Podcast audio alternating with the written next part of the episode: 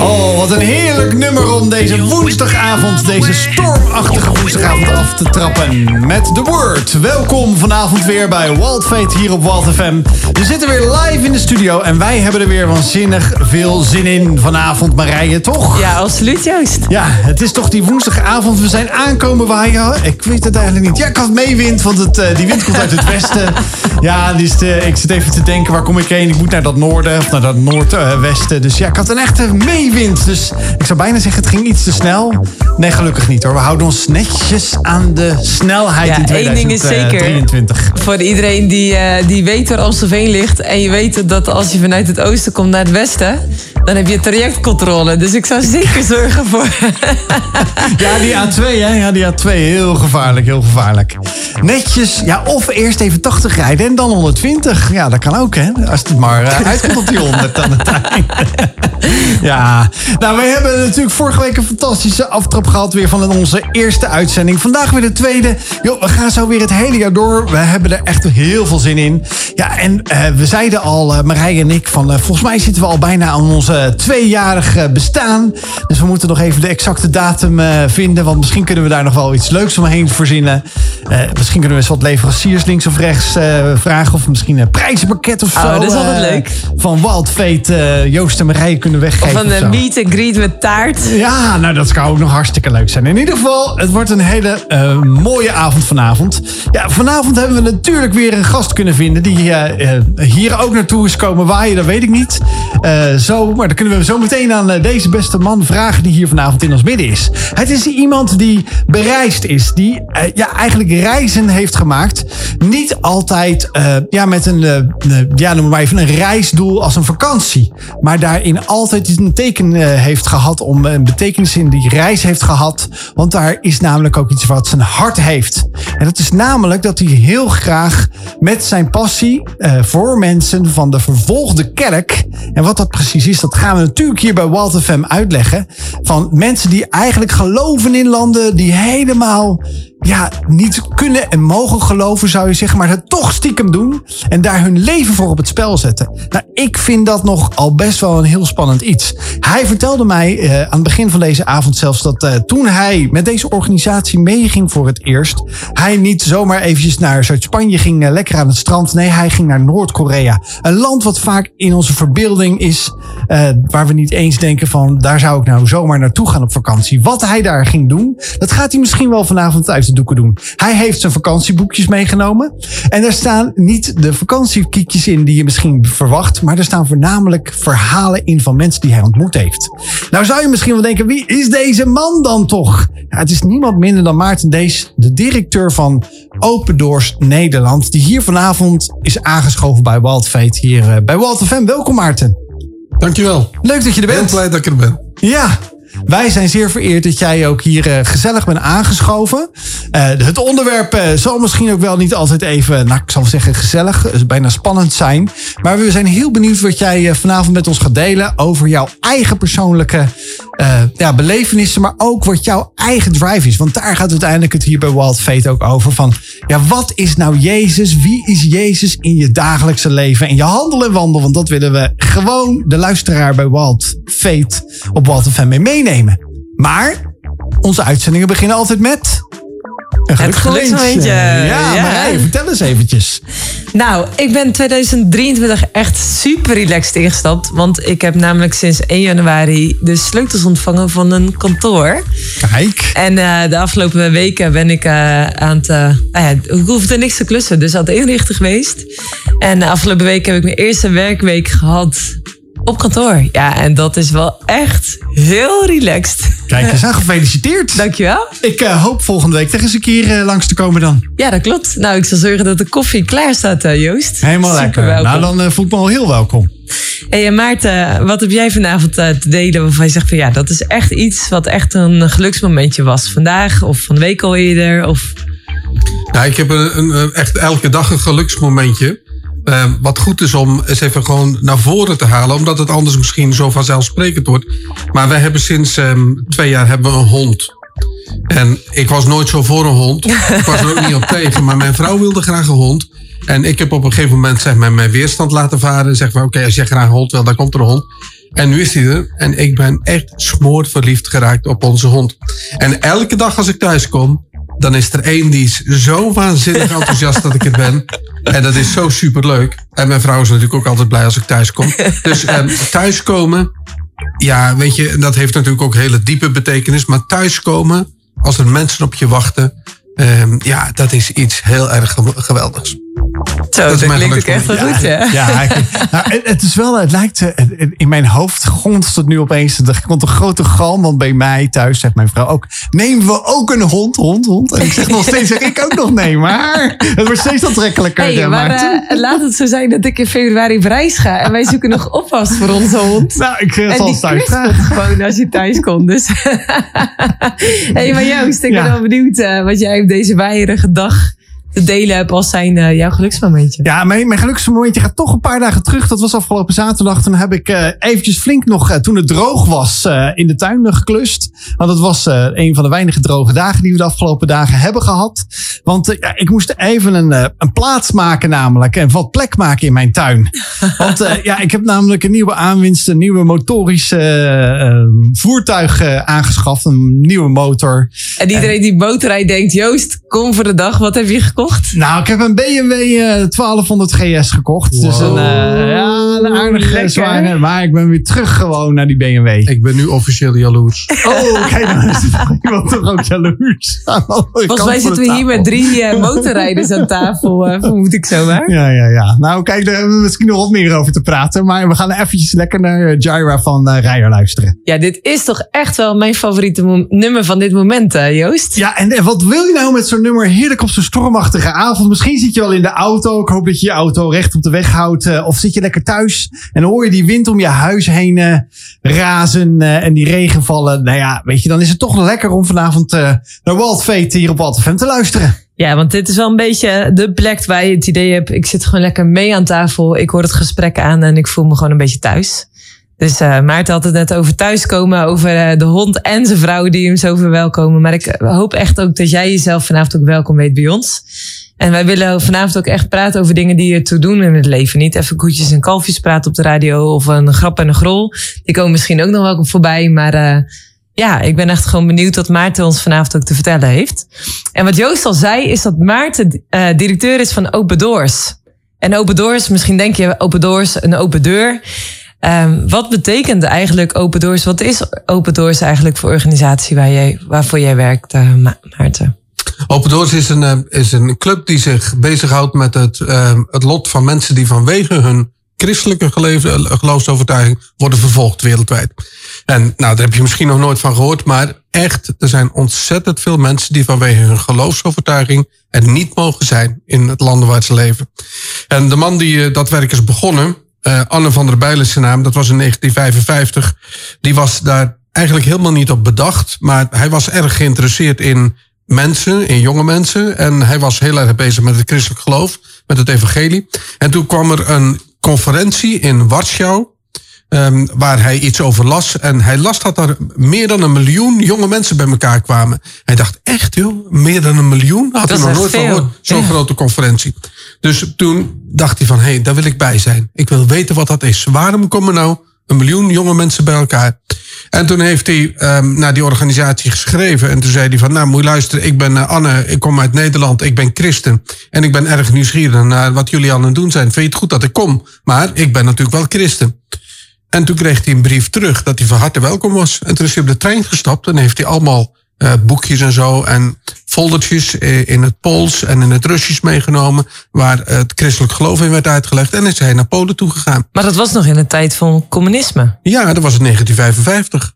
En toen kwam überhaupt, al om, überhaupt al om daar te komen, zal een hele lastige reis ja, zijn. een treinreis, dus dat was, uh, hij heeft het voor elkaar gekregen, maar dat was een, uh, best nog een avontuurtje. Zo. Uh, maar dan kwam hij daar en dan denk je, waar begin je dan? Hè? Hoe, hoe ga je dan? Dus stapt hij in een bus en dan stapt, staat hij op in die bus en dan roept hij: Mag ik even de aandacht in het Engels? en zegt hij: Zijn er hier ook christenen? Ik ben op zoek naar christenen. Moet je je voorstellen, in een vreemd land waar je voor het eerst bent, in een bus met allemaal vreemde mensen. Hij staat op en roept: um, Zijn er hier ook christenen? Maar dat is wel een lefgozer. Ontzettend. Zo. En toen kreeg hij twee adressen. En toen is hij die adressen gaan bezoeken. En zo is hij in contact gekomen met christenen in het Oostblok. Ja, en de rest is history, zou ik bijna willen zeggen. Want van het een kwam die in het ander. Uh, hij ontdekte dat die mensen behoefte hadden aan bijbels. En die waren heel erg blij dat hij op bezoek kwam. En toen kwamen er anderen die zeiden, kom ook bij ons op bezoek. En hij vertelde ervan en hij ging weer terug naar huis. En thuis vertelde hij over de mensen die hij had ontmoet. En dan kreeg hij weer geld en spullen en dan ging hij weer. En ja, zo is dat werk gegroeid. En nu werken er 1400 mensen bij Open Doors wereldwijd. En we zitten in um, 70, 80 landen. En we steunen overal mensen die vanwege hun geloof ja, dingen tekort komen of pijn lijden of in de moeite zitten. Dus dat is een wonderlijk verhaal. En die naam Open Doors komt uit de Bijbel. Uh, er staat in Openbaring 3 staat van zie ik geef u een geopende deur. En dat betekent eigenlijk dat God in de Bijbel tegen mensen zegt van er is geen enkele deur in deze wereld gesloten voor het evangelie. Dus vrijheid van meningsuiting, vrijheid van geloof. Iedereen heeft het recht op aarde, ieder mens, om het evangelie te horen. Je beslist natuurlijk zelf of je er iets mee doet, hè? maar iedereen heeft het recht om het evangelie te horen. Dus elke deur staat open. Ook al vinden mensen dat de deur niet open is, hij is open. Dus Anne, als die ergens bij een grens kwam en de grens was dicht, zei hij, ja, sorry, maar ik moet hier zijn, dus ik moet er door. Ja, jullie weten het nog niet, hè, de grensbeambten, maar ik moet hier naar binnen. Nou, zo ging die aan de slag. Dat is open doors. Zo bijzonder dat iemand die dus, een jonge gast, al heb je het over impact hebben. Ik bedoel, elke millennial wil vandaag de dag impact hebben. Hij had zoveel impact en zoveel lef om dus ergens naartoe te gaan waar hij niemand kende. En misschien wel voor gevaar voor eigen leven. Ik bedoel, niet in elk land zou die zo welkom geweest zijn. Maar hij dacht gewoon, uh, let's do it. Gewoon, ik ga het gewoon doen, want ik vind dit zo, dit is iets wat ik zo enorm belangrijk vind. Om dus, wat jij noemt, het evangelie te delen. En nu kan ik me zo maar voorstellen dat iemand luistert, evangelie. Wat is het, wat is het evangelie? Wat betekent dat eigenlijk? Ja, evangelie betekent blijde boodschap. Hè? En nou, goed nieuws. Iedereen is, wil natuurlijk goed nieuws horen. Um, weet je, deze wereld is best wel heel erg um, ingewikkeld, vind ik. Kijk nou eens naar het nieuws of zo, of luister naar de radio en denk, oh help, komt er ook nog iets positiefs voorbij, hè? Wat hmm. jullie doen, hè? Gewoon mooi, vrolijk radio brengen. Nou, dat is een oase in deze wereld. Want ga naar buiten toe en het is alleen maar ellende wat je tegenkomt. Hoe moet je nou hoop houden op een, op een mooi leven, op een goed leven? Nou, dan moet er ergens een boodschap zijn die echt, echt tot in de kern hoopvol is, positief is. Nou, die zijn er niet zoveel, zulke verhalen.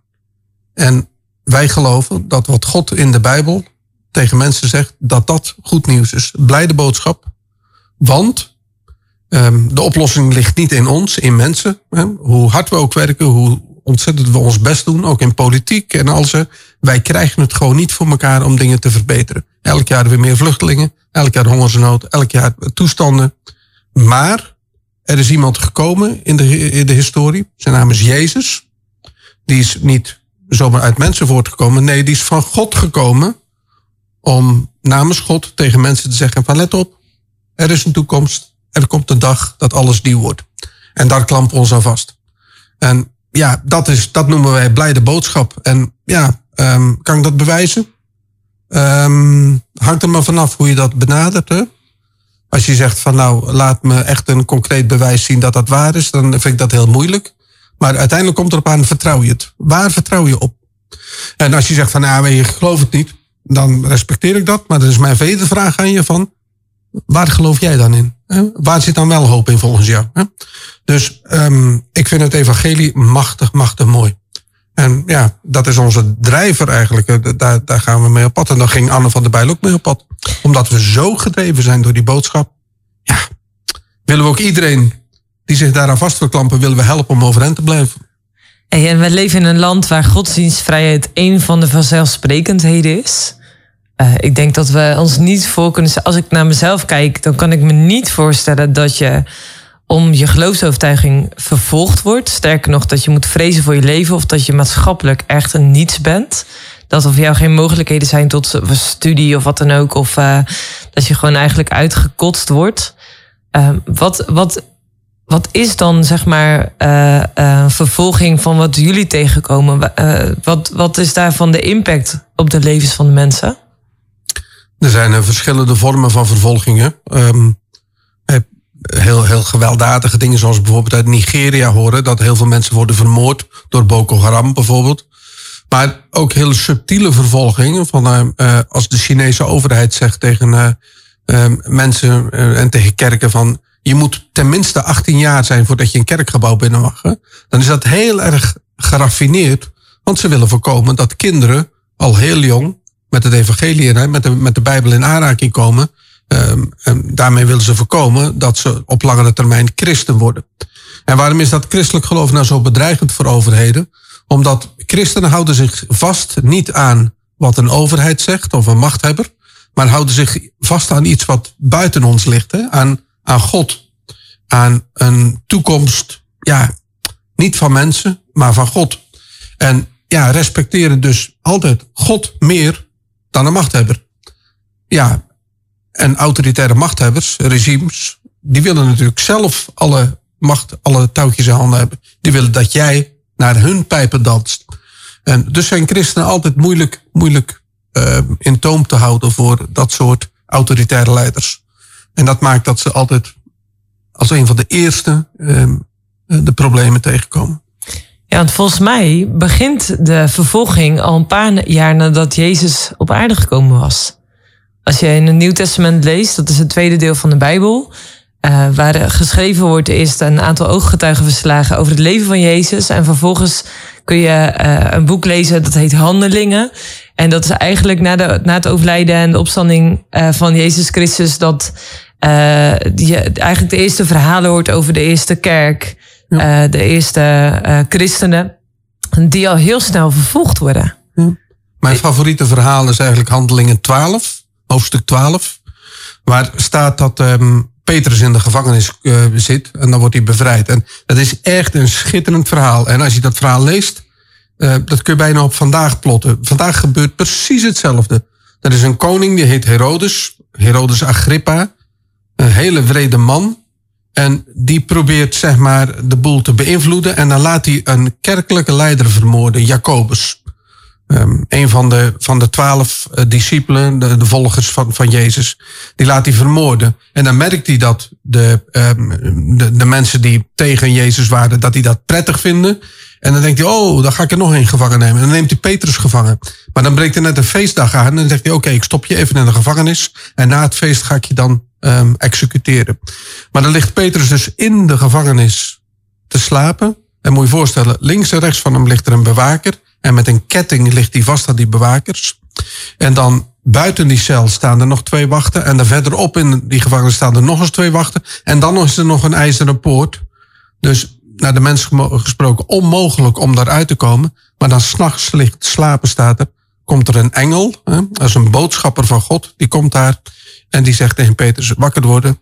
Kom, want je moet hier weg. En dan vallen die dingen van zijn, die, die uh, boeien van zijn, van zijn pols af. En dan wordt hij bevrijd. Prachtig verhaal. Nee, we zijn vanavond in gesprek met Maarten Dees, Open Doors directeur van Nederland. En hij uh, vertelde in het uh, eerste uh, blokje van, van ons programma over de oprichter Anne van der Bijl. Hoe hij als jonge, onbezonnige, ja, onnozele man bijna zei die gewoon de grens overging in 1955 waar er nog een ijzeren gordijn was. Waar eigenlijk heel veel bewaking was. En gewoon met het goede nieuws, de Bijbel en allerlei andere materiaal de grens overging. Nou, dat is is natuurlijk een prachtig eh, thema ook in het nummer Reaching. Gewoon uitreiken naar een ander. Nou, en uh, Maarten heeft een uh, waanzinnig tof boek meegenomen. Wat wij weer mogen weggeven in 2023. Dus we zitten weer alweer cadeautjes uit te geven, Marije. In de maand waar de meeste mensen geen geld meer hebben en al het geld is uitgegeven, kan je hier gewoon weer bij Wild Fate, bij ons programma, een boek krijgen. Gratis. Maar dan moet je wel eventjes naar de story gaan van uh, de Wild Foundation of Wild FM en je naam invullen. Dan krijg je keurig netjes, uh, word je door een van onze collega's, uh, krijg je een berichtje als jij de winnaar bent. die volgende week of maandag wordt getrokken. En dan eh, krijg jij misschien wel een heel gaaf boek.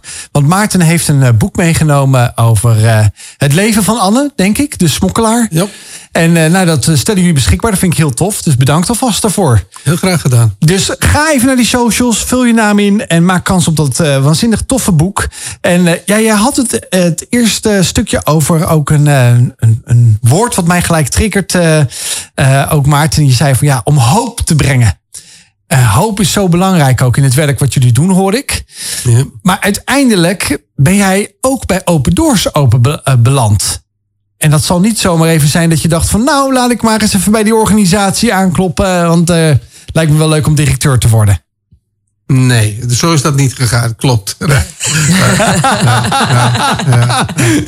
Nee, Ja, want, eh, weet je, ik denk dat iedereen in zijn leven, tenminste zo is het in mijn leven gegaan, ehm, eh, dat je bepaalde idealen hebt hè, waar je naartoe werkt. Sommige mensen zijn heel erg planmatig bezig met hun leven. Hè. Die hebben een doel en daar werken ze naartoe. Eh, miljonair worden bijvoorbeeld, nou, dat kan. Ehm, sommige mensen hebben, hebben, hebben de echte kwaliteit om geld te maken. Nou, dat zou kunnen. Anderen die willen de wereld zien en die trekken de hele wereld over. Echt een plan maken en daar naartoe. Ehm, ik, ik had dat niet zo heel erg duidelijk, een plan. Maar ik had wel het hele diepe verlangen van binnen om met Gods werk in deze wereld bezig te zijn. Dus ehm, wat dingen die voor God belangrijk zijn, dat die ook voor mij belangrijk zouden zijn. Maar ik ben uiteindelijk in het bedrijfsleven terechtgekomen. Ik heb techniek gestudeerd en bedrijfskunde en uiteindelijk ben ik in het bedrijfsleven terechtgekomen. En ik heb dat altijd wel gedaan, maar nooit echt met die diepe overtuiging van binnen van wauw, dit is het en hier ga ik voor. Eh, ik was niet zo met carrière bezig. Ik was niet zo geïnteresseerd in een heel hoog salaris. Overigens wel prettig als je een lekker salaris hebt. Maar ehm, ik wilde niet steeds meer, meer, meer. Ehm, was, was een beetje onrustig over wat er, ja, wat komt er nou nog? En ik was, ehm, ja, dus zo bezig. En toen zijn er wat wonderlijke dingen gebeurd. Ja, ja zo is het eigenlijk gegaan. Wonderlijke dingen. Nou, dat is in deze tijd heel goed dat je het eh, ook al had over positief nieuws brengen, maar ook wonderlijke dingen. Ja. Ik word daar nieuwsgierig van. Ja. Wonderlijk. Nou, wat, wat was voor jou nou, die eerste stap van een wonder? Wat dan in die stappen, in dat plan van God voor jouw leven gebeurde? Ja. Nou, er zijn vele wonderen, denk ik, die ik zou kunnen vertellen. Ehm, maar het bijzondere was, ik had een hele bijzondere moeder. Ze is eh, afgelopen zomer overleden, eh, 94 jaar oud. Maar die was dus al heel vroeg bij Anne van der Bijl. Hè? Eh, Anne was ook 94 toen die overleed, afgelopen september. Oh, dus ze waren even oud. Even oud. En zij was ook al heel erg vroeg bij zijn werk betrokken. Zodra hij begon en erover begon te, te schrijven en te vertellen, was zij een van de eerste die ook zijn krantjes begon af te nemen en ging bidden en lezen. En dus als kind wist ik al van Open Doors. En ik was altijd al geïnteresseerd in die man die zo ja, het avontuur opzocht. En onverschrokken, nergens bang van was. En altijd ja zei, overal op afstapte. Ehm, dus toen dat later in mijn leven, ik was toen aan het werk bij het energiebedrijf in Utrecht. En daar kwam ik een kerel tegen die ook uh, betrokken was bij dit werk. En we raakten in gesprek. En toen ging hij later bij Open Doors werken. En toen zei hij, kom op bezoek. Ja, en toen werd er iets in me losgemaakt van vroeger nog. Denk ik van, wauw, ja, interessant. En toen zei hij, ga je mee op reis? Toen zei ik, ja. Waarheen? En toen zei hij, naar Noord-Korea. Zo. En ik kwam thuis, ik ben mevrouw, ik weet nog, ik zeg, ik ga, ik ga met uh, TJ, uh, zo heet hij, zo noem ik hem, TJ, ik ga met TJ op reis. En we gaan naar uh, Noord-Korea. Oh, zei ze. Maar ze vond het goed, want ze kende mijn hartsverlangen. Dus toen ben ik in 2001 met hem op reis gegaan naar Noord-Korea. En hoe was dat? Want Noord-Korea, als ik aan Noord-Korea denk, dan denk ik echt, oh, er zit zo'n heftig regime. Ja. Uh, de mensen daar hebben geen idee wat er in de wereld afspeelt. Hoe gevangen ze eigenlijk zitten. Gewoon hoe klein hun wereldje is en ook hoe ze uitgebuit worden. Was dat ook wat je zag in Noord-Korea? Ja, maar je wordt er wel gewoon, je wordt dag en nacht begeleid hè, door een gids. Waarvan ik denk, nou, dat, is, dat zijn gidsen die staan onder controle van het regime. En je wordt alleen maar naar de mooie plekken toegebracht. Hè. Je kunt daar niet zelfstandig je bewegen. Maar je ziet natuurlijk als je in de bus zit en je rijdt door het land, dan zie je overal mensen lopen. Allemaal in dezelfde strakke, grijze en uh, donkerbruine kleding. Uh, allemaal uitgestreken gezichten, mager. Iedereen loopt daar langs de weg. Was toen nog heel weinig verkeer. Dus je ziet gewoon, er is hier iets aan de hand. Dus arm. Uh, waar in Pyongyang, in die grote stad, hele grote brede wegen en dan rijden er maar een paar auto's. Weet je, dat, dat, dat klopt gewoon iets niet. Het was surrealistisch. En wat ik, maar dat is meer, ja, dat is meer heel subjectief en gevoelsmatig.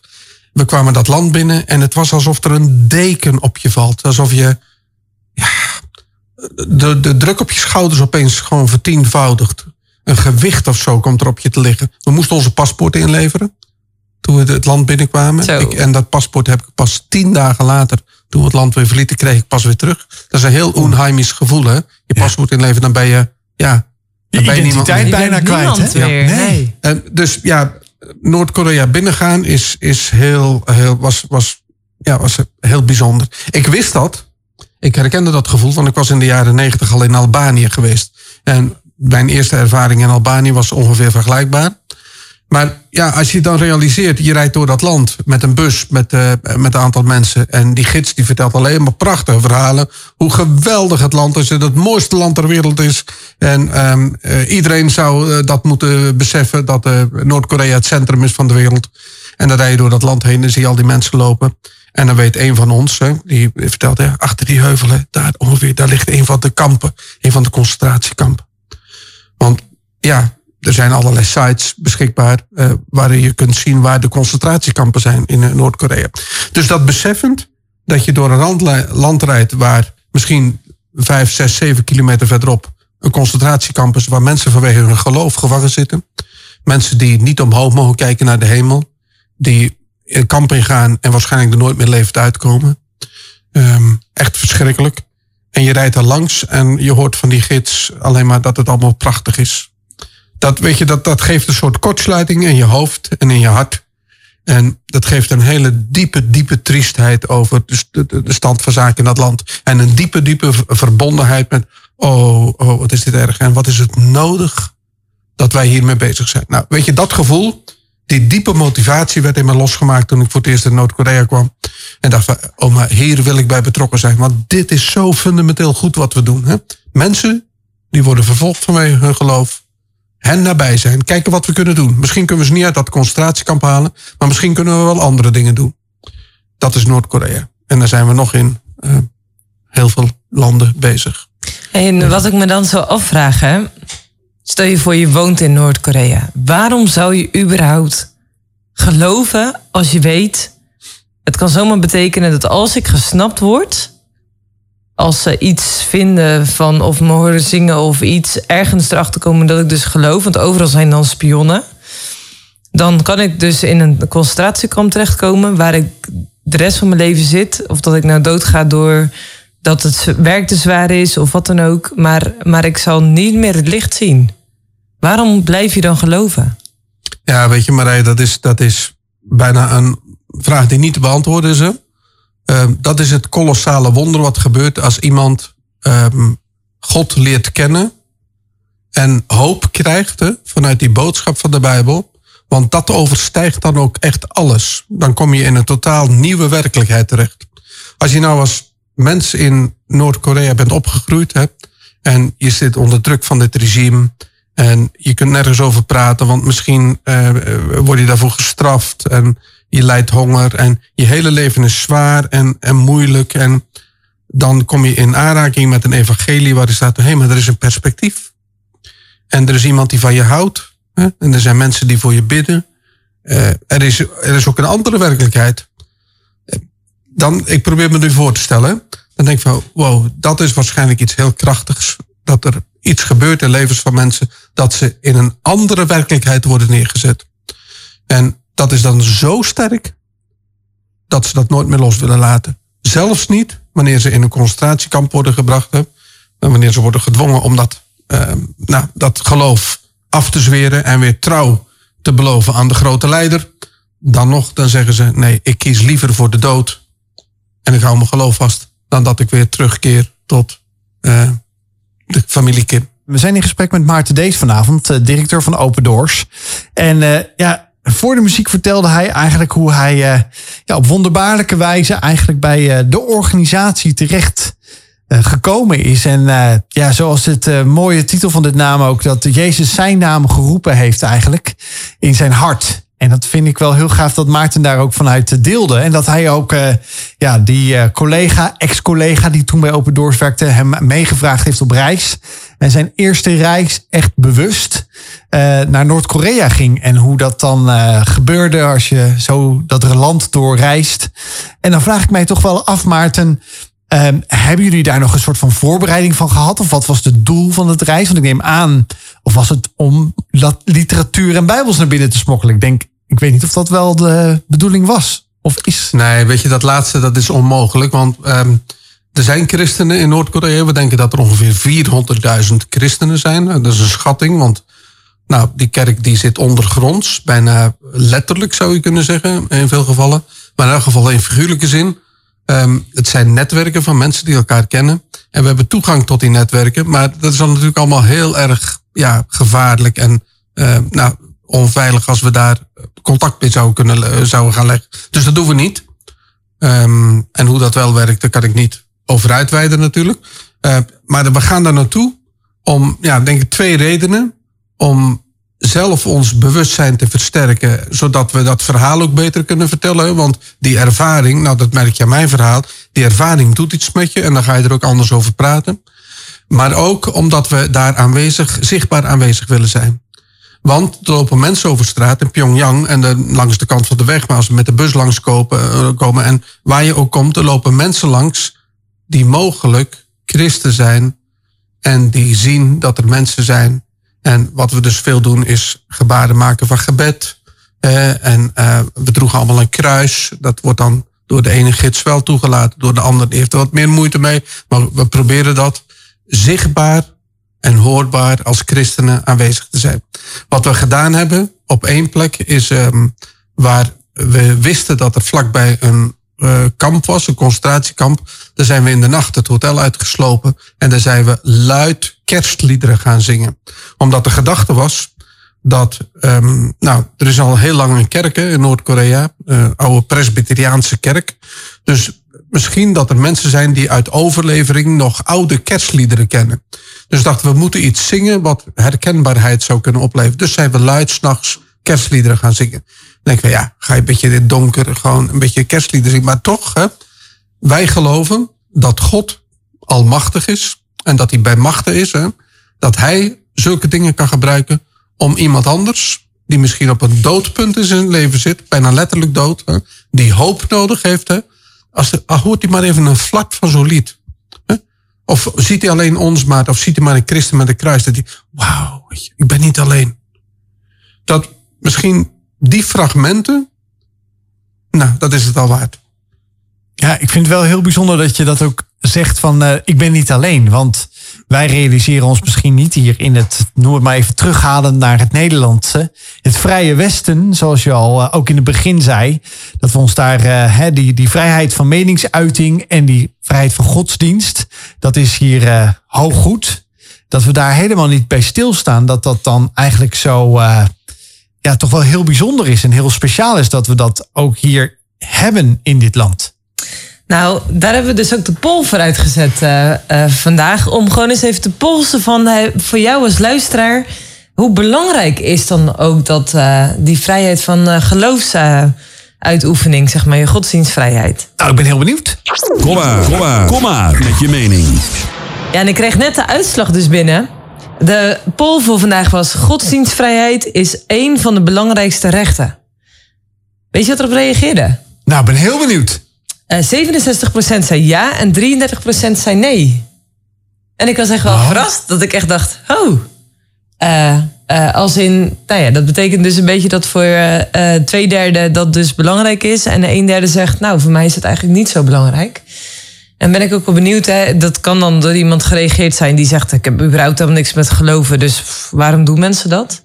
En tegelijkertijd kan het ook zo zijn dat we echt gewoon geen idee hebben wat dat is. Wat het is als je.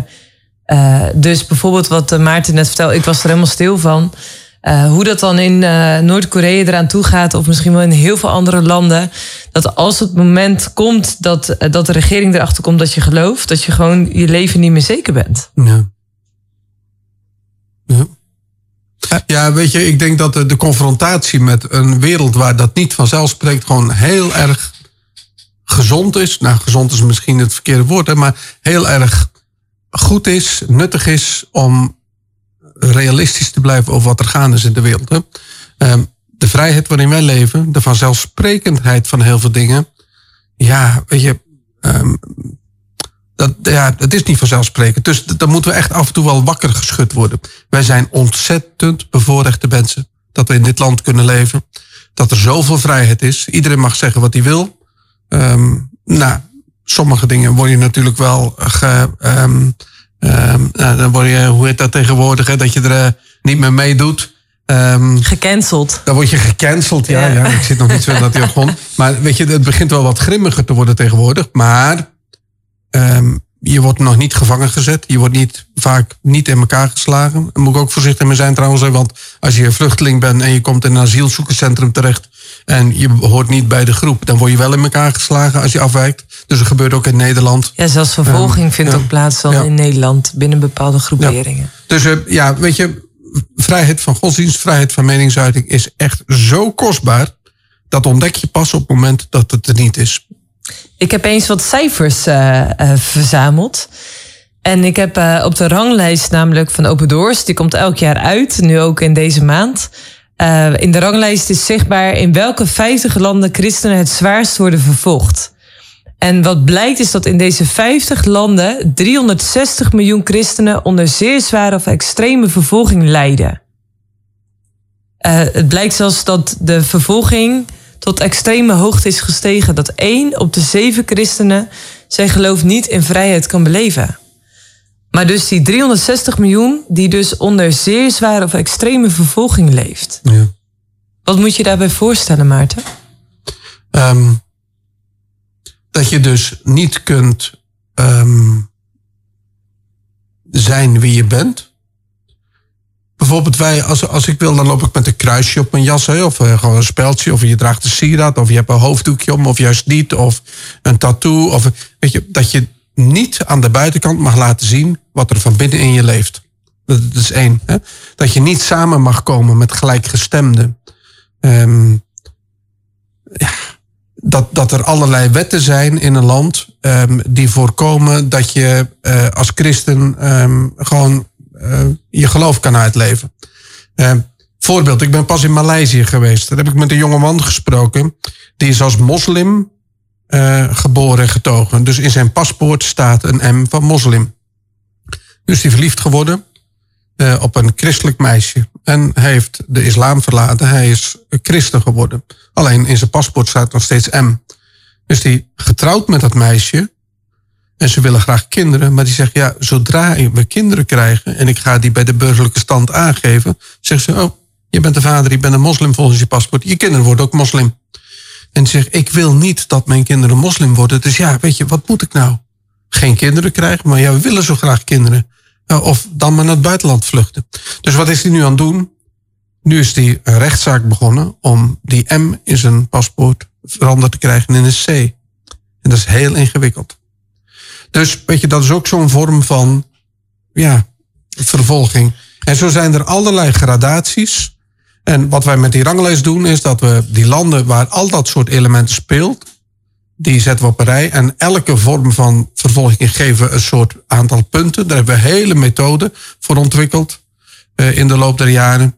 En daarmee krijgt zo'n land dan een plek in die ranglijst. En al die landen die nu in de top 50 staan, daar is het heel erg. Hevige vervolging, eh, eh, zeer hevige vervolging of extreme vervolging. Eh, dus ja, weet je, dat, dat, zijn, dat zijn heftige dingen. Ik ben eventjes heel benieuwd, eh, Maarten. Jij noemt even zo even tussen neus en lippen door. eh, voor de oplettende luisteraar. In ieder geval ik die eh, nog wel een beetje wakker ben. Dan denk ik, sorry, in mijn paspoort een C of een M? Hè? Hallo? Hoe? Ja, Dat blijkt over- dus al in heel veel landen of gebeurt dat in veel landen? Ja, zeker. Nou, Zeker. Nagaan, landen- hè? Wat, wat leven we dan in een vrijheid dat dat hier niet in ons paspoort staat? Ja, dat is vrijheid van, van godsdienst. Hè. In heel veel landen word je geacht om, om moslim te zijn of hindoe. Eh, India bijvoorbeeld. Hè. Dat- Een goede Indiër is een hindoe. als je daar afwijkt, dan hoor je er toch niet echt bij. En dan heb je maatschappelijk ook gewoon heel weinig mogelijkheden.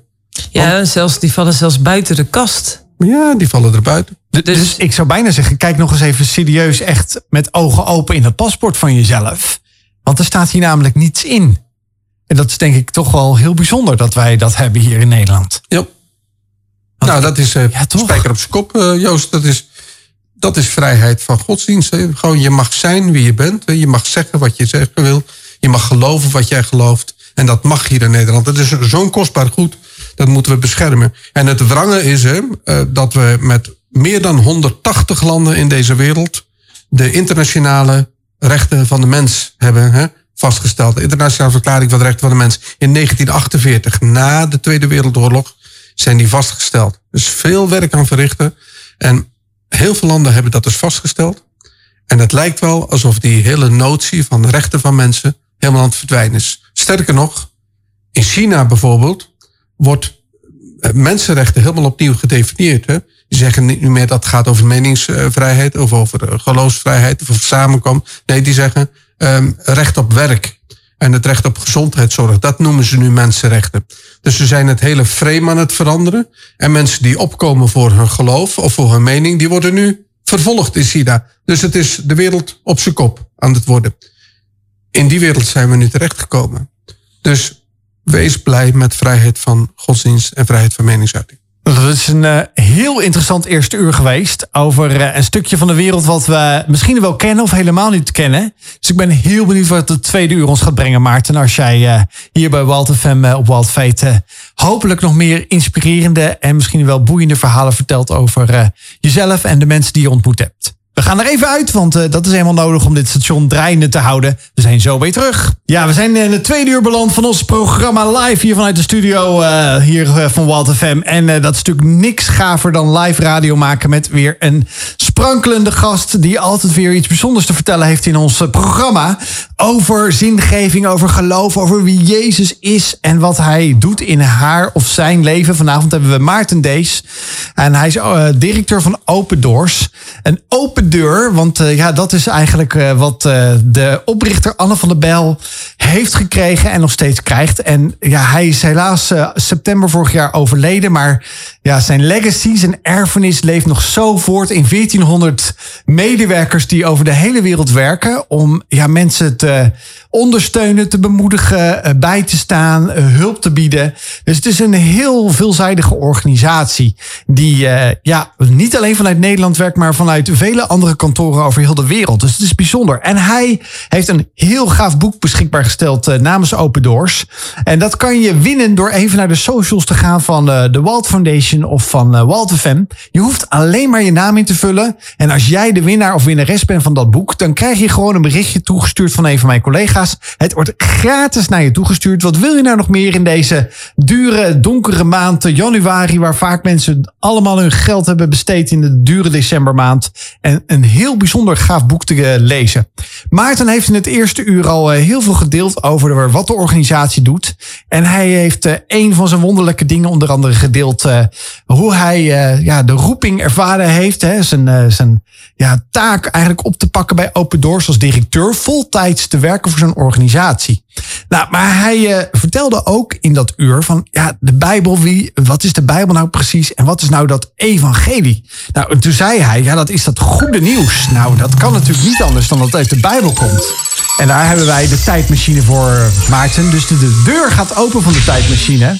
En wij gaan ons klaarmaken om eh, met jou naar een bijzonder Bijbelverhaal te gaan, wat jou aanspreekt. Dus ik ben heel benieuwd naar waar jij ons mee naartoe gaat nemen, naar welk Bijbelgedeelte. Ja, het Bijbelgedeelte wat mij altijd bijzonder inspireert is het verhaal van Nehemia. Ja. Nehemia, dat was een man die ehm, een hele goede, geweldige maatschappelijke carrière aan het bouwen was. En die wordt dan op een wonderlijke manier wordt hij in zijn nekvel gegrepen. En dan, dan gaat hij totaal andere dingen doen. En op een manier die ik waanzinnig inspirerend vind. Dus ehm, het verhaal van Nehemia, daar gaat, dat, dat zou ik eigenlijk eh, willen noemen. Daar zou ik graag in willen kruipen. Ja. Nou, neem ons mee naar dat verhaal van Nehemia. Wat jij graag wil delen aan de luisteraar van... eh, Ja, Nehemia, dat is, ik weet niet precies wanneer het zich afspeelt, enkele duizenden jaren geleden. Ehm, maar die was in ehm, het Midden-Oosten, was die eh, een soort ehm, butler aan het hof van de koning. En die butler, moet je voorstellen, die schonk elke dag de wijn in voor de koning. En dat was een hele verantwoordelijke job, want daar uh, werd ook nog alles de koning vergiftigd, um, zo links en rechts. Dus die, die man die dat deed, die moest volkomen uh, betrouwbaar zijn. Dus die, die man, Schenker heette in, in de Bijbel, uh, ik noem hem even de butler. Die had gewoon een vertrouwensband met de koning, met de machthebber. Die kon naar binnen lopen, die was aan tafel, die zat heel dicht tegen de top van de regering aan. Uh, dus een droomcarrière zou je kunnen zeggen, als je zo, zoveel bereikt. Maar dan krijgt hij een bericht, dan komt er iemand um, uit zijn um, um, hometown, hè, Jeruzalem, waar hij ooit uh, heeft gewoond. Maar Jeruzalem was verwoest. Hij was in, in uh, Babylonië terechtgekomen. En dan, dan vraagt hij van, hey, hoe is het nou daar in Jeruzalem? En dan vertelt die, dat familielid van hem, vertelt, ja, weet je, het gaat niet goed. Uh, de muren liggen in puin en uh, er is helemaal niks en uh, het wordt niet opgebouwd en echt hele verdrietige situatie. En dan is hij zo overstuur dat hij huilt en dat hij in zak en as zit, Nehemia, en dat hij de volgende dag probeert hij zijn werk te doen, maar die koning die kent hem natuurlijk, die ziet van, wat is er met jou aan de hand, jongen? Gewoon je gezicht staat op onweer. Ja, en dan smijt hij het er allemaal uit. Zegt hij, ja, weet u, het land waar ik vandaan kom, de plek waar ik vandaan kom, het ligt in puin. En ik heb er zoveel verdriet over. En, ja. en zegt die koning, ja, wat zou je dan willen? Ja, ja, helpen, die muren opbouwen. Weet je, er moet iets gebeuren. En dan zegt die koning, oké, ga je gang. Ik help je. Doe maar. Doe maar wat je hart ingeeft. En weet je, er komen zoveel prachtige principes in dat verhaal. Want Nehemia gaat dan aan de slag, hè. En die koning zegt, hier heb je bouwmaterialen en je paarden en mensen. En dan gaat hij op reis. En dan komt hij iets van 30 dagen later komt hij aan in Jeruzalem. En ja, dan maakt hij zich bekend bij de mensen daar. En dan gaat hij organiseren. Hij treedt op als een leider. Ja, ik, ik heb zelf jaren als interim manager gewerkt. Hè. Dan kom je ook in een situatie waar je denkt van wow, hoe moet je hier aan de slag? Ja, en dan, dan gaat het er meestal om hè, dat je zegt, we gaan iets organiseren. Dit gaan we doen. En ik heb jou nodig, zus en zus en zo. Gewoon een plan maken. Straightforward. Gewoon doen. En Nehemia doet dat. En dan wordt hij gechallenged tot op het bot. Er zijn er mensen die hem tegenwerken. En dat doorziet hij en dan gaat hij omheen. En hij maakt een plan. En in 50 dagen bouwt hij de muur rondom Jeruzalem opnieuw op. En als je dan leest hoe hij dat doet. Hoe hij zelf betrokken is. Hij staat zelf in zijn, in zijn werkkleding. Hè. Ze beschrijft op een zeker moment. We kwamen dag en nacht niet uit de kleren. Hè. We waren aan het werk. En in de ene hand hadden we een zwaard. In de andere hand een metseltrofee. Uh, de troffel. Um, die zegt zo, we moesten voor onze veiligheid en we moesten werken. En zo beschrijft hij dat hele avontuur. En er komen zoveel principes in naar voren over wat is nou leiderschap. Wat is nou, als je zegt, ja, ik ga een klus doen, ik sta ergens voor, om dan op je plek te blijven, ook als het moeilijk is. En ja, dat deed mij heel erg altijd denken aan het verhaal van Anne van der Bijl. Uh, je wordt voor de situatie geplaatst. Hè? Je leest over dat, dat congres van een miljoen mensen in Warschau. En je zegt ja, ja, ik wil er naartoe. En dat vind ik zo'n belangrijk principe. Gewoon, je hoort iets, het raakt je, dan moet je er iets mee. Nou, Nehemia dus. Um, ja, vandaag de, de uitzending met Maarten Dees. Hij nam ons mee net in een uh, Bijbelboek. Dat heet Nehemia, dat staat in het Oude Testament. Waarin uh, Nehemia bezig is om een stad die helemaal volledig afgebroken is, um, ja, weer op te bouwen. Omdat hij geraakt werd. En ik weet niet wat jouw passie he heeft. Wat datgene is waarvan je zegt van ja, dat, daar word ik echt warm voor. Of dat raakt me echt enorm. Maarten zei, weet je, het is soms zo goed om dus ja te zeggen. Als je hart geraakt wordt om ja te zeggen en ervoor te gaan. En uh, ja, dan niet te blijven zitten waar je zit, maar gewoon dat uit te stappen. Dat is wel een bijzondere les die je daarin ook uh, trok, ook uit dat verhaal, uh, Maarten. Ja. Hoe werkt dat bij jou in jouw leven? Ja zeggen tegen nieuwe dingen? Ja, weet je, er moet een soort nieuwsgierigheid in je leven zijn natuurlijk. Hè? Dat je misschien ook wel een klein beetje avontuurlijk bent aangelegd. Maar als je dat niet al te zeer bent, je bent misschien wel heel onzeker over wie je bent of over wat je kunt, dan is dat ook wel een, denk ik, een, een strategie die je op nieuwe terreinen zou kunnen brengen. Door ja te zeggen van, bij dingen die je ergens beroeren. Als je zegt van nou, dat vind ik mooi, dat vind ik gaaf, dat zou ik wel willen. Zeg dan ja tegen dat soort situaties. Wat is dat nou ja zeggen? Dat is dat je je openstelt voor nieuwe dingen op dat vlak. En dat je daar met mensen over praat. Die zeggen, ja, dat vind ik interessant. God, dat zou ik wel leuk vinden. En als je dat voortdurend doet, dan komen de dingen naar je toe. En ik geloof van harte dat dat ook iets geestelijks is. Hè? Dat God zulke dingen bestuurt. En dat mensen die op zoek zijn naar God, die zich ook openstellen om zich te laten gebruiken door God, eh, dat die op die manier ook in beweging worden gezet. Ik heb het zelf heel erg ervaren. Toen ik naar Noord-Korea was geweest, toen kwam vervolgens de vraag uh, aan mij van wil je bestuurder worden bij Open Doors Nederland? Wil je in het bestuur komen? Had ik echt nog nooit aan gedacht. Dan kun je zeggen, ja maar er was onnozel, die had je aan kunnen zien komen. Maar ik zag hem niet aankomen. Maar ik zei ja. Toen zat ik in dat bestuur, zat ik er één jaar in, toen ging de voorzitter weg. En dat was ook een bestuur van zes mensen. En ze zaten naar elkaar te kijken. Er moest een nieuwe voorzitter komen. En ik dacht natuurlijk, ik zwijg, ik ben de Oh jee. bediende. Ja. En, maar iedereen had een argument om het niet te doen. En ik had gezwegen. Dus iedereen keek naar mij. Nou Maarten, dan word jij het. Dus ik was na één jaar in het bestuur, was ik opeens voorzitter. Heftig. En toen kwamen we in een situatie dat de directeur van het internationale kantoor ging met pensioen. En er kwam iemand anders tijdelijk voor in de plaats. En er ging fout eh, tussen hem en het internationale bestuur. En er was eh, wat crisis. En ik vond daar iets van. Ik vind van heel veel dingen dikwijls iets. En als je er eens iets van vindt, ja, dan kun je erover gaan kletsen met een ander. Maar je kunt ook de koe bij de horens vatten. En zeggen van, oké, ik stap op degene af die erover gaat. En ik zeg even wat ik ervan vind. Hè. Eh, maar ook met de houding van, hey, ehm, als ik kan helpen om iets te verbeteren, hier ben ik. Dus ik schreef een brief aan dat internationale bestuur. Zeg van, nou, eh, dat en dat is er gebeurd. Eh, ik vind er iets van, zo, zo, zo, zo. En die had ik ook aanzien kunnen komen. En die zag ik ook niet aankomen. Ik werd uitgenodigd op een internationale vergadering. En een jaar later kwam de vraag naar me toe. hey Maarten, zou je misschien in dat internationale bestuur willen komen? Dus in 2008, 1 januari 2008, ben ik toegetreden tot dat internationale bestuur. Nou, daar zit ik opeens met allemaal mensen, overal ter wereld. Een bestuur van tien mensen. Allemaal mensen, heel erg gewoon slimme, hoogopgeleide mensen. En ik voelde me zo klein en onzeker in dat gezelschap. Ik was echt ook de jongste. En dan zit je daar en ik vloog opeens overal ter wereld naartoe voor vergadering, twee, drie keer per jaar. Ehm, met allerlei zaken bezig die, me, die ik helemaal nog niet kon pakken. Dus dat duurde een paar jaar voordat ik een beetje op vlieghoogte was. En toen ging de voorzitter van dat bestuur ging weg. En toen moest er een nieuwe voorzittersverkiezing komen. En ik weet nog dat ik in het vliegtuig van Schiphol op weg naar Toronto, waar we die vergadering hadden, eh, met een Zuid-Afrikaanse man die ook in het bestuur zat. Die kwam via Schiphol, vloog die naar Toronto. We stonden achter in het vliegtuig en hij zei tegen mij, hij zei, Martin, hij zei Zuid-Afrikaans, I listed your name for um, be the chairman. Ik zei, wat? Wat heb je gedaan? Heb je mijn naam opgeschreven? Ik zei, dat, dat- kan ik helemaal niet. Weet je, gewoon, nee. Ik zeg, jij moet het doen. No, no, no, no, no, zei. Dus we kwamen in Toronto. En in die vergadering eh, kwam dat onderwerp aan de orde. En ehm, toen werd uit de doeken gedaan welke namen er waren aangedragen. En ehm, toen, ehm, toen zei van, nou, met stip op één staat, eh, staat Maarten. En ik schrok. En ik, ik, ik voelde nog gewoon helemaal gewoon klein worden. En, en ik zat te trillen in mijn stoel en ik werd zenuwachtig. En toen werd ik gevraagd om even de deur uit te gaan. Dus ik ging naar buiten toe. En toen ging de rest van de bestuursleden met elkaar praten.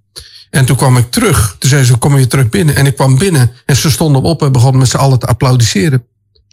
En ik weet nog dat ik me totaal verloren voelde op dat moment. Maar ja, ik had ja gezegd door dat bestuur in te gaan. Ik had ja gezegd door mee te doen aan dat proces. En nu kwam dit op me af. Wat doe je dan op zo'n moment? En ik heb toen diep van binnen ja gezegd. Dus ik ben voorzitter van dat internationaal bestuur geworden. En ik had totaal geen idee wat er op me afkwam. En ik had gevoelsmatig dacht ik van, nou, dit kan ik helemaal niet. Dit is echt een fout. Weet je, ze gaan zo meteen ontdekken. Weet je, ehm, eh, eh, the emperor has no clothes. Hè? Gewoon de, de, de, de keizer staat in zijn naakje. Zo, en zometeen zien ze het allemaal. Eh, Oh, wat erg. Maar dan gebeurt het wonder. Dat mensen dat dus wel in mij zagen. En dat ik langzamerhand mocht ontdekken dat ik best wel dingen kon doen. En dat ik nooit dingen alleen hoefde te doen. En dan komt er een nieuwe situatie. Er moest een nieuwe CEO komen, internationaal. Dus ik moest dat proces leiden van een internationale search. En selectie van een nieuwe directeur. En heel veel andere onderwerpen die ik nog nooit had gedaan. Maar met Gods hulp ging dat allemaal lukken. Ja, en toen was ik, was het 2017. Ik was als interim manager in Amsterdam bij het gemeentelijk vervoerbedrijf aan het werk. Mede betrokken bij de totstandkoming van de Noord-Zuidlijn. En die zou in augustus 2018 in dienst gaan. Dus eigenlijk was de gedachte van ik blijf tot en met augustus 2018. En in januari 2018 ehm, werd ik opeens eh, bedankt. Was het genoeg? Eh, bedankt Maarten, we gaan eh, met een ander verder. En dat was eigenlijk vanuit het bedrijf geredeneerd. Vanuit de medewerkers ook heel onlogisch. Maar ik was ook wel blij, want ik was ook wel een beetje uitgeput van die klus in Amsterdam. En die dacht, oh, dan ga ik even lekker op mijn lauren rusten. Dan ga ik even een tijd voor mezelf nemen. Klinkt En heerlijk. een week later kreeg ik een telefoontje of ik beschikbaar was om directeur te worden van Open Doors Nederland. Ja, en dan heb je weer de keuze. Zeg je nou ja of zeg je nou nee? En ik heb ja gezegd. Wat een reis zeg. En ik kom dus van het een in het ander door dat er dingen naar je toe komen. En misschien zijn dit zijn dit uit- uitzonderlijke dingen, maar er komen dingen naar je toe. En jij hebt de keus om ja of nee te zeggen. En ik zeg altijd ja. En mijn vrouw zegt wel, je moet niet altijd ja zeggen. Oh, kijk, gelukkig, ik heb ook een medestander gevonden. Heel gevaarlijk, maar. ja. Maar ook dus bijzonder, want wa- waar je dus van vertelt, hè, dat je dus door nieuwsgierig te zijn en dus uit te durven stappen, zie je dus uiteindelijk dus ook de wonderen eigenlijk dat mensen dingen in je zien die God dus je- aan jou gegeven heeft, waarvan je zelf nog geen weet van had. Ja. Want dat klonk een beetje, eh, eh, eh, dat weten, zeg maar, als je een beetje millennial leeftijd hebt, dat heet dan het imposter syndroom.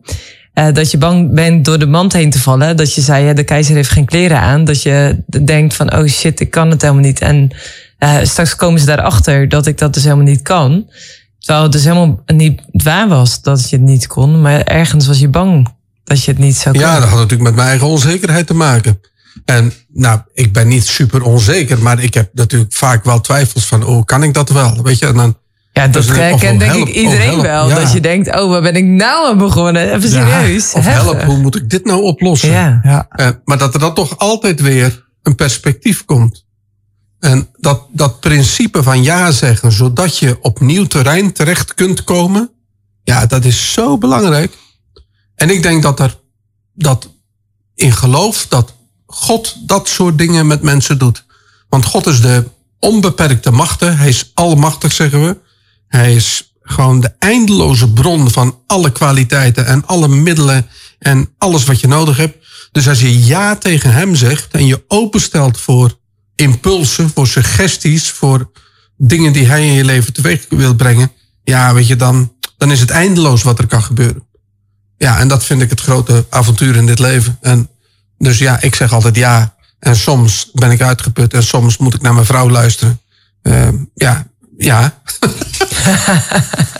We zijn vanavond in gesprek met uh, Maarten Dees, directeur van de Open Doors. En uh, ja, hij heeft al een uh, verschillende elementen van de wonderlijke wegen die hij heeft afgelegd. Hoe, ja, hoe hij bekwaam geraakt is in de functie waarin hij ook op dit moment opereert als Open Doors directeur van Nederland. En hij is daarin uh, ja, uh, al jarenlang toegerust vanuit ja, zomaar een eerste roep naar Noord-Korea te gaan. En toen gevraagd in het bestuur en toen het internationaal bestuur en toen gevraagd is van wil je ook directeur worden? En daar zei hij wel, misschien als je luistert als Walt Veet luisteraar wel heel snel overal ja, ja, ja op. En hij suggereerde daarbij ook wel van uh, ja, ik was ook wel een beetje op. Maar gelukkig zijn mijn vrouw, en dat is misschien ook wel heel belangrijk dat we dat eens eventjes uh, ja, benadrukken en over doorpraten. Ja, maar nu moet je ook eventjes even een stapje terug of even op die rem. Want ik denk dat dat wel heel belangrijk is. Want stel nou voor, Maarten, ik luister naar Wild Fate, naar Wild FM. Ik ben een vaste luisteraar. Of ik zit ergens nu in die auto en ik luister eventjes nu naar dit programma. En ik denk, ja, leuke verhalen allemaal van die Maarten. Maar uh, ja, uh, hoe wanneer dan? komt die burn-out? Ja, wanneer komt die burn-out? En jij zegt ook van ja, uh, ja God is wonderlijk en die doet mooie dingen. Maar ja, hoe kan een luisteraar daar überhaupt dan een start mee maken? Ik denk dat het heel goed is dat jullie hier een klein beetje in prikken. Want het is anders, anders is het natuurlijk veel te riskant. Hè? Overal ja op zeggen, dat is dwaas. Je, er zijn allerlei dingen waar je eh, rekening mee moet houden. Maar ja zeggen is voor mij zeg maar een soort principe geworden, een attitude. Dat je altijd je openstelt voor het volgende stapje. Hè? En natuurlijk komt er achter een zo'n eerste jaar komt altijd de vraag van oké, Eh, past dat echt bij me? Kan ik het doen? Heb ik de kwaliteit ervoor? Eh, wat vindt mijn omgeving ervan? Dus als je nou een relatie hebt, of je hebt eh, gewoon ouders of mensen, vrienden, eh, praat erover. Ja kan betekenen dat je zegt hé, hey, die vraag is op mij afgekomen. Ik, ik voel van binnen dat ik er interesse voor heb. Wat vind jij ervan? Zou ik het moeten doen? Zou ik het niet moeten doen? Eh, dat je daarover gaat praten, dat je ermee bezig gaat. En dan komt vanzelf ook wel de duidelijkheid. Maar misschien ook wel een grens. In mijn leven is het heel vaak mijn vrouw die zegt van ja, ja, ik snap dat je daar ja op zegt, maar eh, dit en dat en dat en zo en zo. Zeg, ja, heb je wel een punt. En ik heb niet altijd goed geluisterd naar dat soort raadgevers. Dus ik ben ook wel eens te ver gegaan dat ik. Nou, burn-out is niet iets wat ik ken, um, maar wel eens dat ik uitgeput was. Of dat ik een, soms eens een kort lontje heb. En ik denk van, oh, ik zit misschien wel een beetje in de gevarenzone. Um, en zou dat misschien kunnen zijn omdat ik te veel ja heb gezegd en te druk ben en te weinig heb nagedacht. Dus ja, um, ja zeggen als principe, maar dat is ook wel een proces. Een toegang tot een proces van ernstige afweging. Maar de crux is dat op het moment dat er iets naar je toe komt en dat, dat resoneert van binnen. Als je dan nee zegt, dan sluit je de deur. Dan kan er verder ook niks meer gebeuren. Dan sluit je je af. Daar gaat het mij om. Dat je initieel ja zegt. Een soort nieuwsgierigheid. Oké, wat is dat? Zou dat iets voor mij zijn?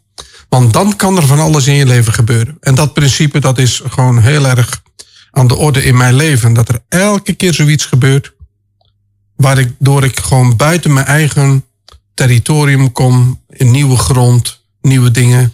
En ja, tot ontdekking kom dat er veel meer te doen is dan ik aanvankelijk dacht. Hé hey Maarten, uh, ergens ben ik benieuwd dat uh, als je zegt van hey, ik leef God en leef met God, ik ken God. Is God daar in, in de, in, als je nu terugkijkt op je leven, ook iemand, degene geweest die ja, eigenlijk dingen geïnitieerd heeft? Dat hij leiding heeft gegeven aan die dingen die dan samenkwamen in je leven, waarbij je dacht, hé, hey, ja, ik mocht daar ja op zeggen. En daardoor kwam ik op nieuwe grond, hè, mocht je nieuwe, nieuwe terreinen gaan verkennen, mocht je jezelf ontwikkelen. Uh, zagen mensen dus blijkbaar iets in jou wat God al in jou gelegd had. En maar wat je zelf nog niet kende als zijnde van dat je dat ook te bieden had aan een organisatie. Zie je daar ook echt ja, een stuk leiding in van, van God? Ja, absoluut. Ik heb um, een enorm verlangen om um, dicht bij God te leven. Om volledig uh, in zijn plan te... Ik, ik noem dikwijls hè, dat God heeft een onderneming. Uh, zijn onderneming heet het redden van mensen wereldwijd. Dus en ik wil graag in Gods onderneming werken. Ik wil um, nou, medewerker in zijn, in zijn bedrijf zijn. Uh, en ja, dat is een diep verlangen om heel dicht bij die kern te zijn. Omdat ik denk dat daar het leven om gaat. Het leven gaat er niet om om in dit leven maximaal carrière te maken. Of heel rijk te zijn. Of heel veel seksuele contacten te beleven. Of wat dan ook, hè, wat je zou kunnen bereiken in dit leven. Het leven gaat erom dat je dichter, steeds dichterbij komt de bedoeling die God heeft voor mensen zodat je hem steeds meer gaat zien in zijn plan voor deze wereld. Want en, wat, wat geeft dat je meer dan, dan die carrière of die seksuele contacten of dat hele veel geld wat je zou kunnen verzamelen? Ja, dat geeft zoveel meer diepgang en perspectief. En dat overstijgt gewoon ook dit leven. Want anders, ja, dan raak ik denk ik teleurgesteld omdat ik minder geld heb verdiend dan uh, dan jou bijvoorbeeld, of dan, dan mijn buurman, of dat mijn auto eigenlijk te klein is. Uh, of dat ik ja, al, toch al 36 jaar met dezelfde vrouw ben getrouwd en ook wel eens een second love uh, zou moeten hebben. of wat je ook maar kunt verzinnen. En ik denk dat zijn dwaalsporen. Dan kun je verdwaald raken en dat bevredigt op de duur niet. En net zoals dat eigenlijk elke rijke man of vrouw als antwoord geeft op wanneer is het genoeg, zegt ja, maar er is altijd nog meer. Ja. Er is nooit genoeg. De, de, is nooit er is altijd nog meer te vergaren. En als je eenmaal rijk bent, dan moet je heel hard je best doen. Vooral met de huidige inflatie, om rijk te blijven. Uh, want je kunt het zo verliezen. Ja, het, het, zijn valk, het zijn valkuilen waar de vraag is of je ze voor een ander graaft of voor jezelf. Ja. En een doodshemd heeft geen zakken, zeggen ze wel. Hè? Je neemt niks van wat je hier hebt opgebouwd, neem je mee als je sterft. Dus ja, wat bouw je nou op? En ik denk, het gaat dus niet om dit leven. Dit leven is een leerschool. Is de universiteit voor de eeuwigheid. En wat kun je nou leren in dit leven? Namelijk, dat is de bedoeling van het eeuwige. En dat weet God. Dus je moet heel dicht bij God zijn. Dan krijg je zicht op je eigen betekenis ook. Ehm, nou, heel filosofisch allemaal. Ik wil het niet al te filosofisch maken. Maar Maar praktisch dan? Ja. Hoe kun je dan dicht bij God zijn? door, ehm, ik denk, ja, die, die Bijbel hebben we al genoemd. Hè. De, die Bijbel is, dat zeg maar, dat is de goudmijn hè, als het gaat om het leven. Eh, daar moet je in graven en proberen te pakken wat, wat, wat, wat God bedoelt. Maar ook gewoon heel erg te luisteren naar wat hij teweeg brengt. Hè, en je openstellen voor hem. En ja, in mijn leven is dat ook gewoon ja zeggen op situaties. En dan ook van binnen elke keer die vraag: God, is dit van u? Wat is uw bedoeling? Ehm, en ja, ik bid elke dag. Dat, is, een- dat is een praktijk van mijn leven. Dus ook elke keer dat soort dingen biddend aan God voorleggen. Van dit gebeurt er, dat gebeurt er. Heer, is dat van u? Ja of nee? En Het is gewoon praten met God. praten met God. Ja. En, en moet ik daar een speciale tijdstip van de dag of moment voor nemen? Nee hoor, dat doe ik ook niet. Ja, ik doe het ook aan het begin, aan het eind van de dag. Maar ik dat doe dat de hele dag door. Als dit gebeurt, dan roep ik omhoog in gedachten. Soms en soms eh, hardop van... Heer, hoe moet ik hiermee verder? Dat kan ook. Dat kan ook, ja. Krijg je ook antwoord?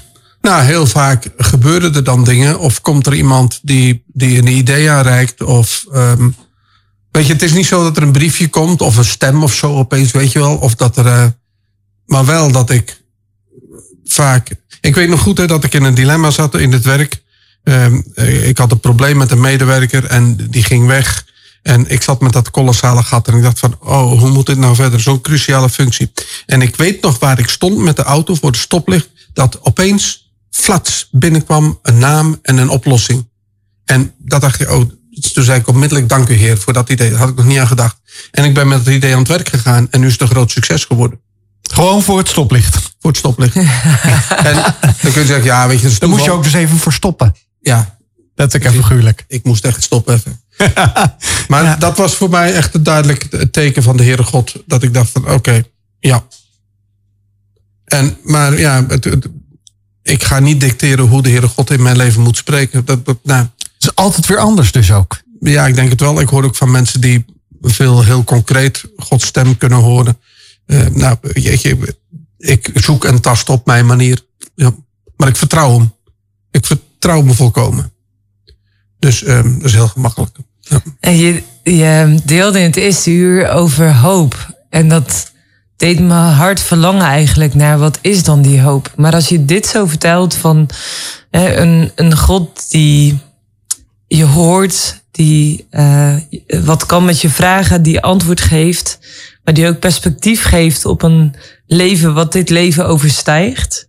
Waarbij het niet gaat over hè, wat kun je allemaal bereiken, hoe succesvol ben je of wat dan ook. Maar dat, dat juist met hem leven, met hem optrekken, eh, de, het wetenschap. Ik ben dus niet alleen, maar ik kan gewoon altijd met God sparren. Wat, wat er ook door me heen gaat, dat kan ik hardop doen, dat kan ik zacht doen.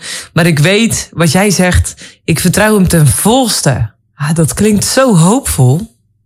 Ja, volgens mij is het ten diepste gaat het om liefde. Hè? Ieder mens wil, nou, we kennen allemaal eh, Maslow.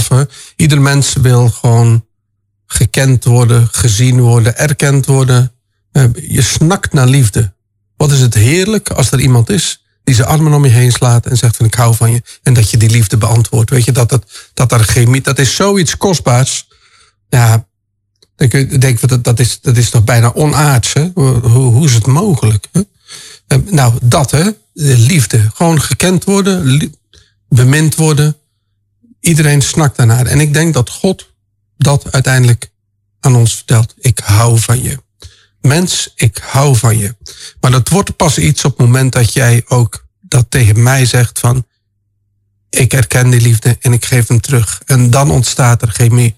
En ja, ik heb gewoon een heel diep verlangen om dicht bij God te zijn. En het is een beetje moeilijk om dat in termen van liefde uit te drukken. Hou, ik hou van God. Ja, dat, dat kun je zeggen, maar dat is wat abstracter. Want God kun je niet zien. Ik kan God ook niet letterlijk omhelzen. Maar God heeft iets heel wonderlijks gedaan. Die heeft namelijk ons geholpen om dat concreet te maken. Hij is mens geworden in Jezus. Jezus Christus, die is gekomen 2000 jaar geleden, die is mens geworden.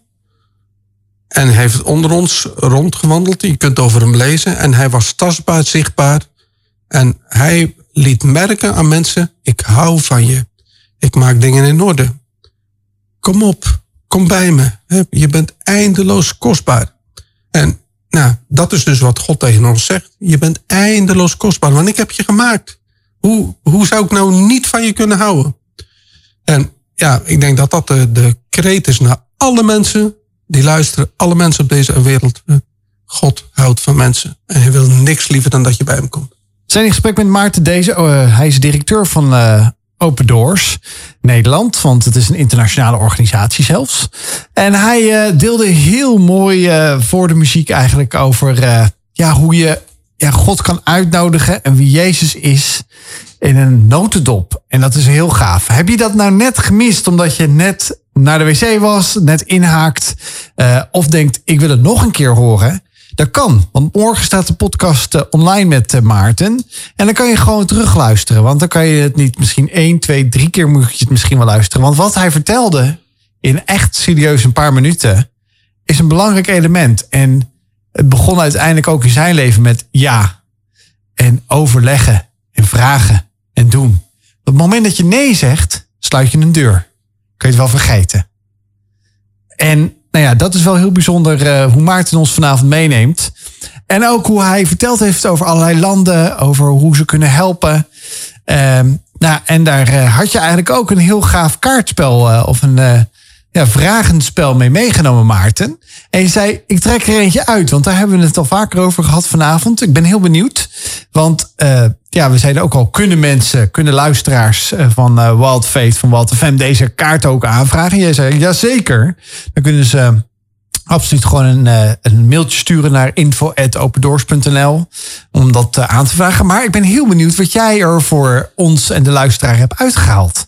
Ja, het is een voorbeeld zeg maar, om aan te geven van wat, wat doet nou Open Doors wereldwijd. Hè? Want eh, eh, christenen helpen die het moeilijk hebben, dat klinkt allemaal heel mooi. Maar wat betekent dat praktisch? Nou, je moet je voorstellen, als een kerk verwoest wordt door een bomaanslag of zo, dan helpen we die christenen om die kerk weer opnieuw op te bouwen. Hè? Dan gaat het om geld, maar ook om dingen te organiseren. Eh, we- helpen ze om weer op te bouwen door met huizen. Maar bijvoorbeeld in ehm, Nigeria worden heel veel pastors vermoord. En dan blijft er een weduwe achter. Die weduwe wordt verkracht. Er worden kinderen geroofd. Die worden geronseld voor Boko Haram. Ehm, dan helpen we zo'n mevrouw eh, door trauma counseling te geven. Door haar weer op het spoor te krijgen, zodat ze weer verder kan in haar leven. Eh, we helpen mensen om op de plek te blijven waar ze wonen. Eh, bijvoorbeeld in Noord-Irak, waar heel veel christenen in vluchtelingenkampen hebben gezeten na de ISIS-toestanden. En er zijn heel veel mensen gevlucht. Maar we moedigen ze aan om daar te blijven en terug te keren. Maar hoe dan? Nou, bijvoorbeeld met een krediet om een bedrijf op te bouwen.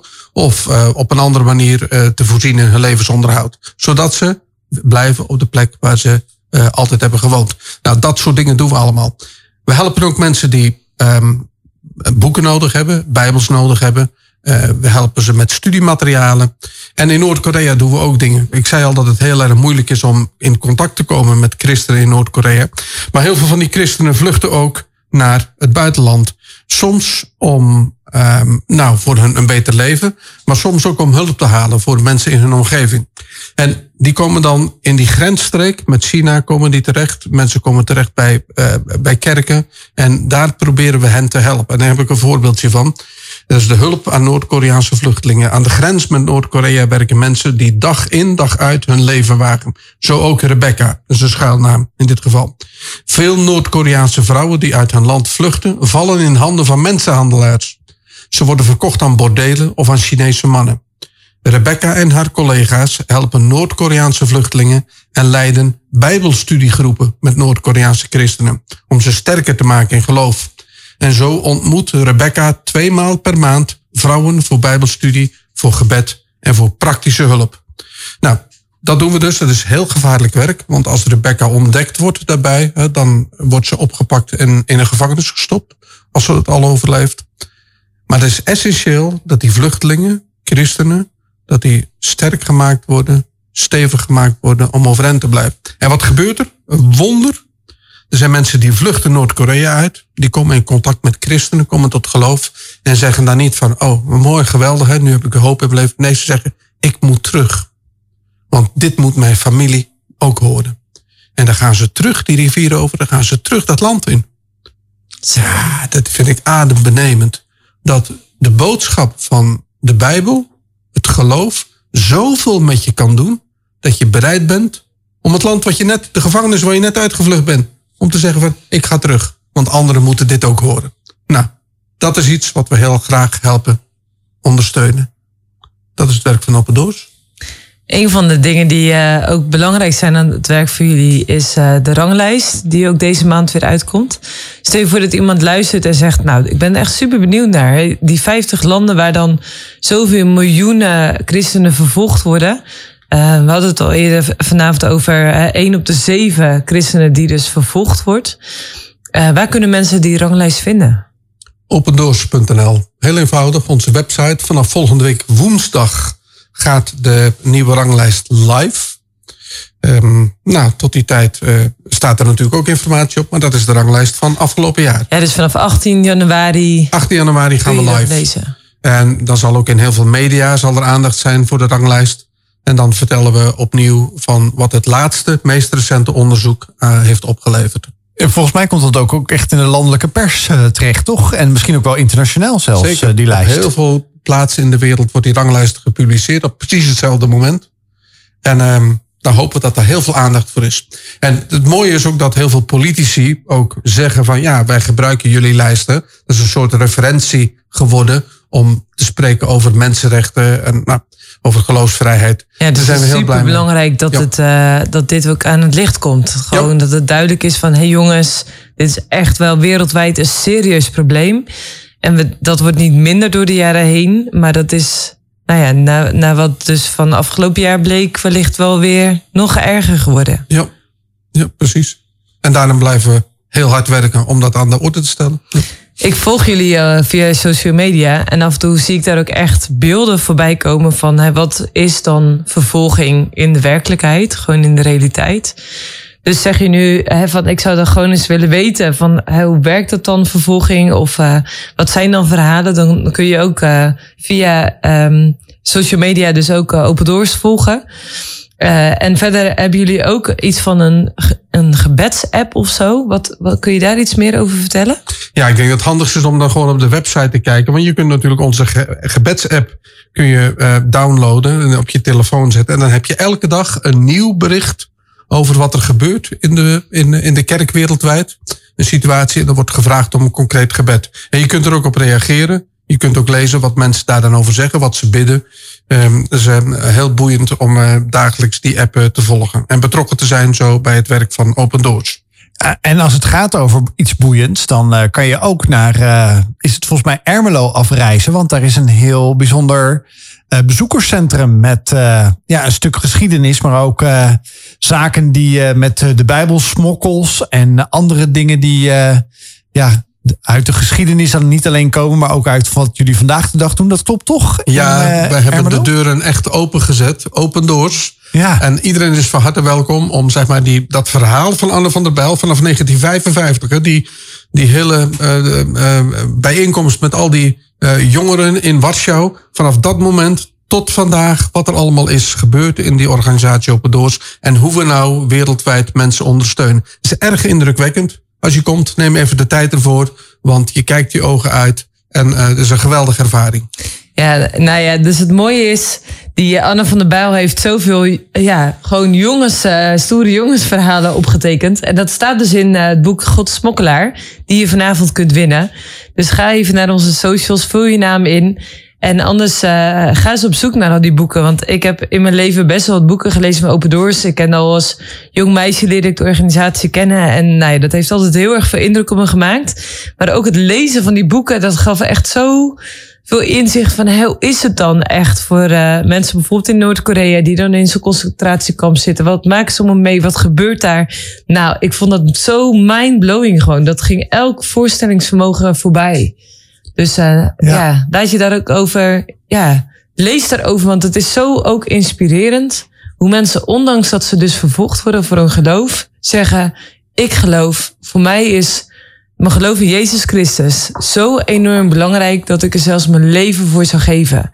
Nou, dat is nog eens toewijding. Ja, ik ben, uh, we zijn bijna aan het eind van uh, deze Wild Fate van vanavond. Ik ben heel benieuwd, Maarten. Jij, je opende eigenlijk ook deze avond over het belang van ja, uh, godsdienstvrijheid en uh, ja, meningsuiting, uh, vrijheid daarvan.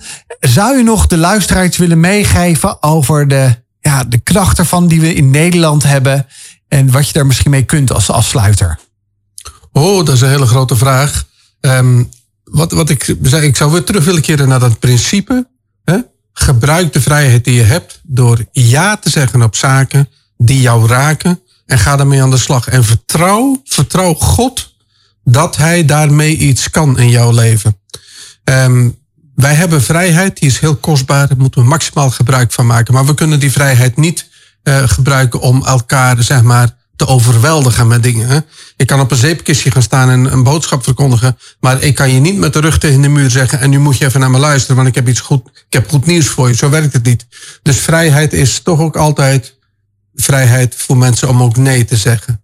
Maar als er iets van hartelijkheid in ons leven zit, nieuwsgierigheid, dan kan God iets doen met ons en dan kan hij levens van mensen in beweging zetten. En dat is denk ik gewoon het grote voorrecht wat we hebben in Nederland. De overheid legt ons wat dat betreft geen beperkingen op. Wij mogen gewoon uitleven wat we geloven. En laten we daar gebruik van maken. Dankjewel Maarten voor deze mooie afsluiter van vanavond. Ik uh, wil je nogmaals bedanken voor je komst hier. Voor het inspirerende verhaal. Ook, uh, ook weer het, uh, ja, in het nieuwe jaar waarin we, in we leven, 2023, waarin weer bijzondere dingen gaan gebeuren. Ook volgende week de ranglijst. Ik kijk er een beetje nieuwsgierig naar uit. Het is natuurlijk wel een impact weliswaar. Maar dat geeft mij des te meer besef, ook naar aanleiding van vanavond, wat een vrijheid we hebben hier in Nederland. En we daar ja op moeten zeggen om daar gebruik van te maken. Dat doen we bij Wild Fate hier door te vertellen over wie Jezus is in ons leven dagelijks, in onze handel en wandel. Bedankt Marije dat je er was vanavond. En tot volgende week. En tot volgende week.